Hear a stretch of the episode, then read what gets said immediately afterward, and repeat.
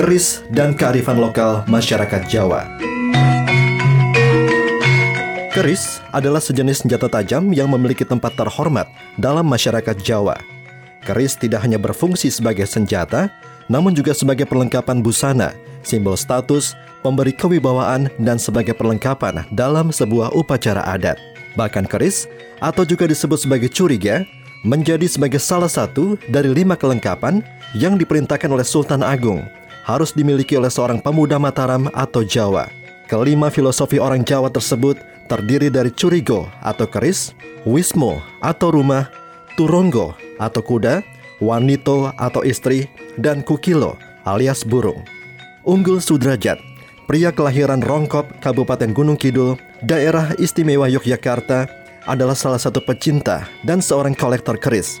Kecintaannya pada keris karena senjata tersebut memiliki nilai seni budaya, estetika, dan magis. Keris menjadi satu bagian dari tradisi yang ada di keluarga.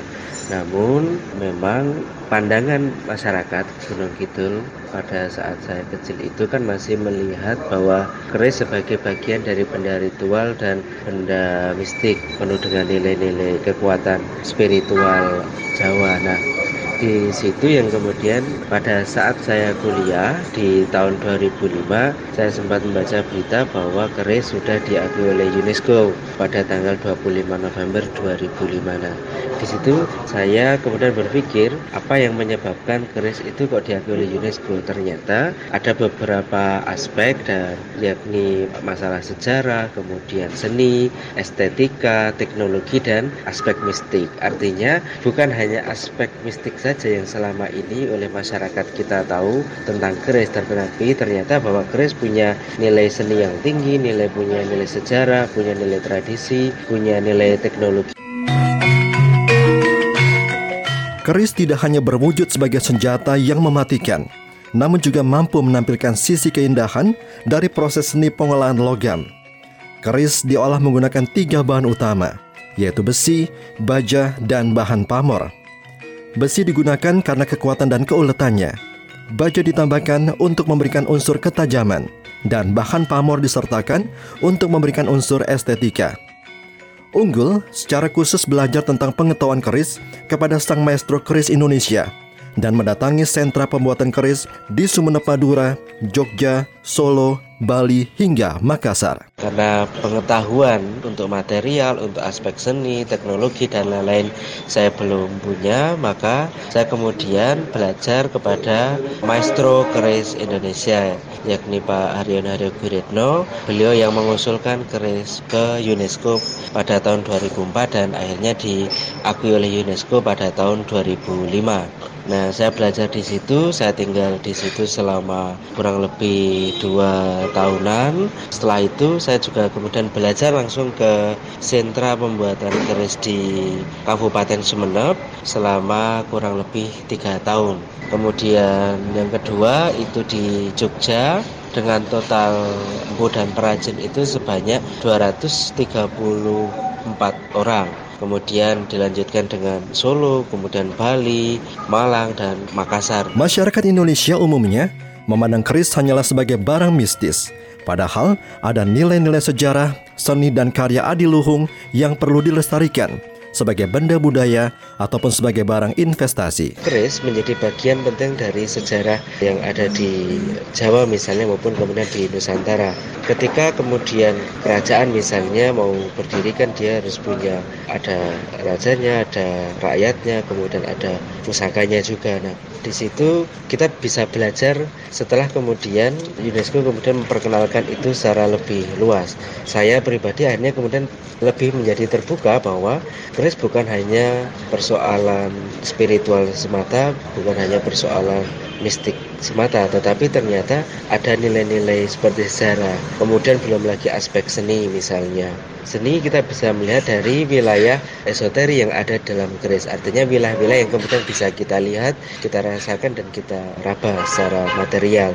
Nah, ternyata juga keris punya nilai seni yang tinggi dikaji. Selain itu, kalau kemudian kita bicara pada kepentingan sekarang selain sebagai benda warisan budaya, keris juga bisa menjadi benda koleksi maupun benda investasi. Masing-masing daerah di Indonesia memiliki tradisi sendiri soal senjata keris. Menurut Unggul, si pemilik keris akan menyelesaikan tradisi kerisnya sesuai asalnya. Karena ia berasal dari wilayah Mataraman, maka koleksi keris miliknya didominasi dari gaya Mataraman dan Surakarta. Tradisi yang kemudian melekat pada saya adalah tradisi Jawa sehingga koleksi-koleksi saya banyak berpijak pada koleksi-koleksi terutama yang ada di Jawa tetapi juga tidak menutup kemungkinan bahwa koleksi saya juga dari daerah lain seperti semisal keris dari Bali, keris kemudian dari Sulawesi itu juga saya koleksi tetapi fokus utama saya ada pada koleksi keris Jawa Sebagian besar kolektor keris dikenal sebagai generasi tua, sehingga menjadi tantangan besar bagaimana caranya agar keris juga dikenal dan digemari oleh generasi milenial. Unggul bertutur, transfer pengetahuan dari generasi tua kepada kaum milenial soal keris sangat penting dan membutuhkan strategi khusus, salah satunya melalui media sosial. Tantangan terbesar dalam upaya pelestarian keris adalah soal bagaimana kita mampu mendistribusikan atau mentransfer pengetahuan keris dari orang tua kepada generasi muda. Artinya pengetahuan yang ada sejak beratus-ratus tahun itu kita selama ini masih berpijak pada pengetahuan yang sifatnya tutur. Nah, pengetahuan tutur ini agar kemudian bisa diterjemahkan dan disebarkan kepada generasi muda tentu butuh strategi dan pendekatan tersendiri. Artinya dari pengetahuan itu yang pertama bisa kita lakukan penelitian kembali, kemudian dari penelitian itu kita bisa tuliskan kembali dan didistribusikan kembali pengetahuan itu misalnya dalam bentuk buku, dalam bentuk tulisan baik terutama jika kita bicara tentang generasi muda, sasaran yang paling penting atau media yang paling penting adalah dengan media yang sering kali mereka gunakan dalam kehidupan sehari-hari, semisal di media sosial.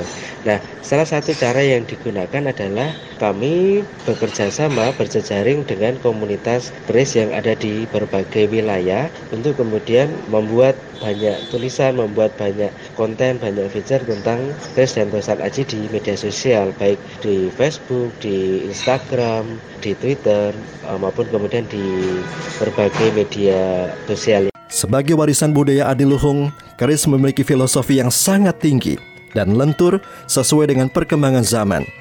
Nilai-nilai dalam keris ini dapat ditanamkan kepada generasi muda, mulai dari kewiraan, kejujuran, harmonisasi, dan spiritual. UNESCO mengakui nilai tak benda, jadi nilai-nilai yang di luar benda, terutama di luar benda itu yang melekat, terutama pada aspek nilai falsafahnya, nilai filosofinya. Nah, kita masih sangat terbatas di dalam konteks pemaknaan atau nilai-nilai filosofi yang ada dalam keris dan kemudian kita coba untuk terjemahkan itu di dalam konteks yang kekinian. Artinya nilai filosofi yang ada itu harus dikontekstualisasikan dengan generasi sekarang dan dengan kehidupan yang sekarang. Semisal nilai tentang falsafah Gres ada salah satunya tentang filosofi nunggak semi misalnya.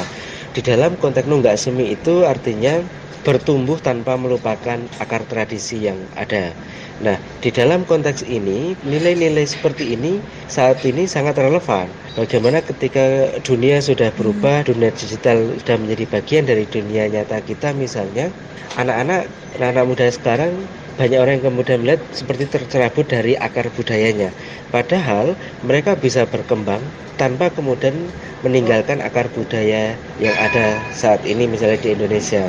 Nah, nilai-nilai dalam keris ini kan bisa kemudian kita transformasikan dan kita bisa sampaikan kepada generasi muda bahwa nilai falsafah itu sangat kontekstual dengan zaman. Di dalam keris juga sama, nilai tentang keperwiraan, tentang kejujuran, nilai tentang keikhlasan, nilai tentang spirit, tentang semangat hidup, itu ada semua di dalam keris. Karena kemudian keris itu juga mewakili nilai-nilai yang ada dalam karakter setiap manusia. Nah, ini yang saya kira perlu semakin banyak digali dan semakin banyak untuk diteruskan dan disampaikan kepada generasi milenial. Berbagai upaya melestarikan keris terus dilakukan oleh pemerintah dengan menjadikan keris sebagai cindera mata atau souvenir bagi tamu-tamu negara sahabat. Selain juga sebagai bentuk simbol seseorang mendapatkan amanah sebuah jabatan. Cindera mata atau sebagai tanda amanah jabatan.